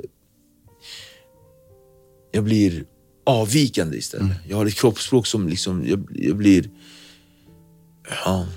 Jag och min kollega, vi brukar kalla det för att man är, eh, man är ja, avvikande. Jag såg nu att när vi gick in på den här, em, det här, den här stunden när du slutade, du blir alldeles tårögd. Ja, alltså det, det är sjukt alltså för att jag, vet du. Jag visste att jag skulle överleva alltså. Jag visste det hela tiden. Folk kunde säga så här till mig, så här, och det säger man ofta till missbrukare. Du är inte gjord för det här. Det här är inte din grej. Säger, det finns ingen som är det finns ingen som är, det är inte meningen att någon ska knarka. Det finns ingen knarkare där ute idag som har hållit på mer än ett år som säger så här, men det här är det jag vill. Ingen står på plattan för att han vill. Nej. Man är en slav. Men någonstans så, så, så bara kände jag, jag har alltid känt så här. Fan alltså. Jag har alltid känt att jag inte ska dö som en knarkare alltså. Men jag säger till dig Daniel, sista året då började jag bli rädd. För då kände jag så här, för att jag alltid, jag har ju ändå trots allt varit hemlös. Eller förlåt, bostadslös under många år för att jag har, det var självvalt. Jag har alltid kunnat sova hos min syrra. Ja, du vet. Men sista året, jag var hemlös. Det är skillnad alltså, på att vara bostadslös och hemlös. Jag känner jättemånga artister och kända människor som är bostadslösa. Som så här, andrahands. Det är ju att vara bostadslös. Men jag var hemlös. Jag bodde i en på ett härberge som man fick checka in. Man fick checka in varje dag klockan sju och om man inte kom klockan sju då fick man sova ute. Och där bodde jag liksom tillsammans med en massa tjetjenier eller vad fan, skitsamma vad de var. Men det var människor som jag inte ens kunde kommunicera med så vi hade ingenting gemensamt. Och alla luktade liksom gym. Du vet. Gammal gym, gymhandskar, så luktade fötterna på folk och jag var en av dem. Jag ägde ett par en bossjacka och en Armani-jacka som jag liksom stulit på NK och liksom tvättade mina kläder. Det var sist och så bara, jag bara shit jag kommer nu dö. Och här, de här sista vintrarna var så jävla kalla. Det var ju de som i början på de här vintrarna vi har nu. För det är ju riktiga vintrar nu. De är inte tidiga men de är intensiva när de kommer. Och jag bara kände, och jag bodde där i, i, på Grimman ett ställe. Sen sista tiden bodde jag också på ett ställe i, jag vet inte om du har sett i Gullmarsplan, så finns det liksom som en liten grön plätt mellan Gullmarsplan och Hammarby och Fryshuset. Du vet den där gröna plätten där? Där är, finns det ett, liksom ett eh, härberge. Där liksom, kommer ihåg, jag liksom, så, här, så kom Jusselina, mina systrars vänner, så bara duckade jag liksom att de inte skulle se mig. Och så när jag var där på avgiften bara kände jag så här. Fan snälla låt mig överleva för att jag ska göra mitt bästa för att aldrig göra om det här. Och hur många år sen blev du ren? Det är åtta år sedan nu. Känner du än idag att det kan vara en kamp? Nej. Nej. Kampen slutade den dagen. Okej. Vet du det? Det, men det är ganska ovanligt ändå. Ja, det är helt för sjukt. För Det- som, Det är förlåt, helt sjukt. men som eh, många nyktra alkoholister och narkomaner behöver ju ta aktiva beslut varje dag. Mm. Så här, nej men jag är nykter, det här gör inte jag, jag ska inte göra det här. Men du hamnar inte där. Jag Liksom. hamnar inte där. Jag har däremot mina knep för att liksom, jag går ju på självhjälpsrörelse, jag går på NAC och sådär och väldigt sporadiskt. Det första året, första två, tre åren gick jag varje dag på möte. Alltså varje dag. Och så att eh, liksom, men jag har aldrig känt ett enda drogsug sedan jag slutade. Aldrig. Jag har känt en så känsla av att inte vilja vara i vissa situationer. För det är också ett tecken på drogsug. När man känner ey! Men jag har aldrig så här, det har aldrig gått vidare en tanke. Jag har aldrig blivit så här, kolla på så här Pulp Fiction eller någonting och bara uff, det dabbar i magen. Aldrig tänkt på att basa en sten så här, och liksom jag får en fysisk känsla av att jag vill göra det. Gärna ha spelat med spratt ibland. Uff, skulle, f- jag kommer ihåg den gången, så här, okej, man har varit på mycket spelningar, jag har varit på så här, otaliga festivaler, jag umgås ju med artister och du vet vad de gör, alla röker ju på. Men det är liksom så här, jag är så... Och jag knackar, knackar, tar i trä, för jag är inte högmodig när jag sitter och säger det här, men jag har liksom jag begravde den där, den Du är där dagen. Jag, liksom. jag, bara, jag är klar och jag har inte druckit en enda droppe sedan dess. Och sen liksom, tack vare det beslutet jag gjorde då, så har jag kunnat ta beslut längre fram. Till exempel som att sluta röka en cigg. Mm. Det gjorde jag 2015. Jag slut, ja, jag har inte rökt en cigg sedan 2015. Var det svårt? Cigg. När jag slutade var det lätt, men jag krigade typ varannan vecka hela 2005. Försökte sluta. Tills en dag så bara hade jag ciggpaket på mig i tre, fyra månader utan att röka.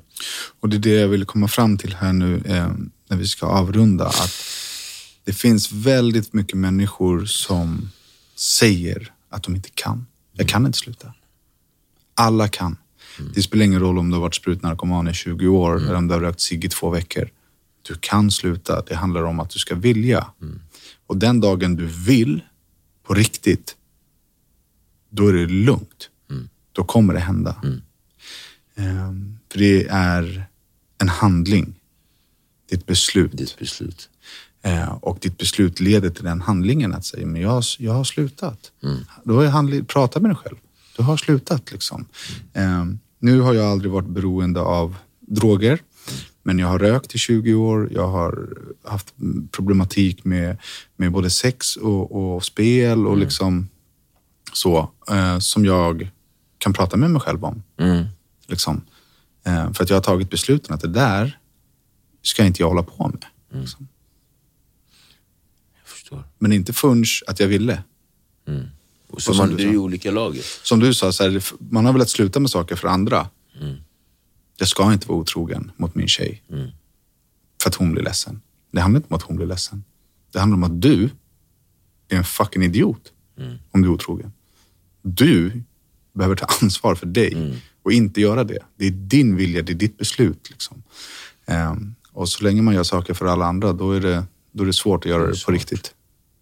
Precis. Och det stämmer jättebra. Så att när jag började göra saker för mig själv och, och det, jag tror att det är det som är viktigt också att poängtera, att det där som hände där på avgiftningen den gången, februari 2014, det var verkligen så här. Det var jag bara, nej, jag, alltså jag gör det här för mig själv nu. Jag måste liksom, wow. Och, ja. och jag kan fortfarande bli så här drabbad. Så här, vad fan? När folk ställer mig, du ställde mig på alltså folk har frågat mig, så, vad fan, vad var det som hände sista gången? Vad var det som gjorde att du slutade? Så jag kan inte riktigt så. Men då får jag liksom tänka till. Ja, men, när liksom min dotter började säga de här sakerna till mig, det började liksom, någonting hände. Men det har man ju sagt till mig tidigare förut, men jag var inte mottaglig. Och sådär. Eh, Jag har ju mina minnen kvar, absolut. Och jag, liksom, jag glömmer inte bort vem jag har varit, men jag är ju inte... Förut presenterade jag mig som... Jag, kunde, jag kommer ihåg att jag kom in på, på, på vad heter det, Arbetsförmedlingen hade fixat någon så här, vad heter det, arbetsintervju. Jag var, hej jag heter Victor, före detta narkoman, jag var sprutnarkoman. Så det var bara, bara, bara gränslöst. Det var hela min identitet. Folk bara, wow! Vi hörs. vi hörs. Ja. Men nu så liksom, nu får, man, nu får du nästan kriga fram den gamla Viktor och så här. Och jag vet, jag vet inte om det syns på mig att jag varit missbrukare, men den, liksom, den identiteten har jag inte längre. Jag har aldrig sett det dig enda som- jag liksom kan ha, det ser du, jag har tracksen kvar. Ja. Liksom, ser du? Det är liksom, de här sprutmärkena är kvar, det har gått tio år snart. Du hör, kanyl, kanyl är i armvecken. Ja, du ser. Ja.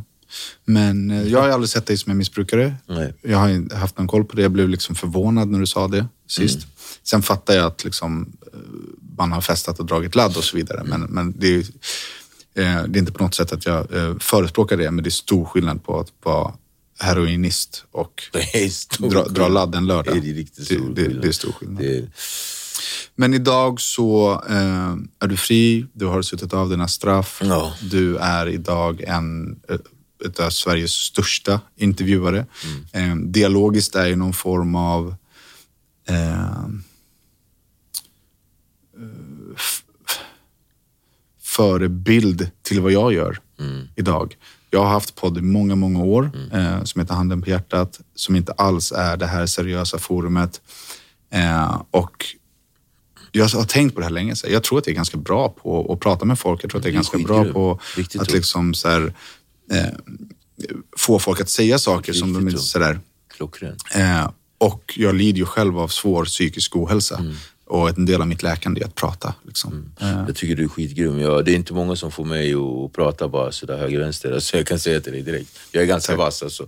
Och att jag tar ner garden, det gör jag för att jag känner mig trygg med det. Men du och jag har träffats i tre olika sammanhang när det gäller att sätta ner och prata. Så det finns ju en, jag respekterar dig otroligt mycket.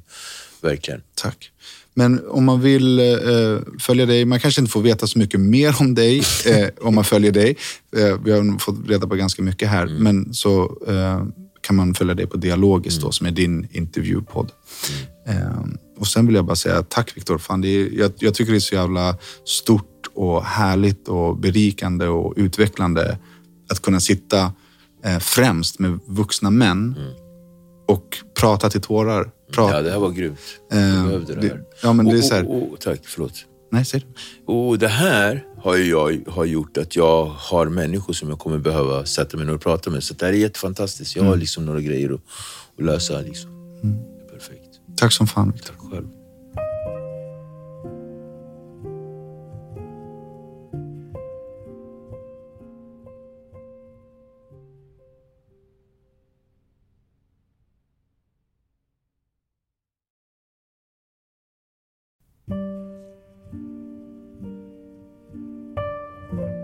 Daniel Beiner här.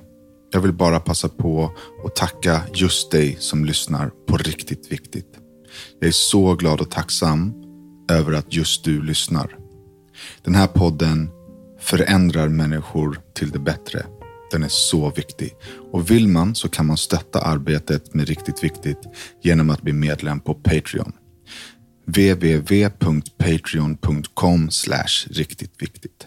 Som medlem på Patreon så får man tillgång till allt material långt innan det släpps i de vanliga apparna. Tusen, tusen tack för din tid.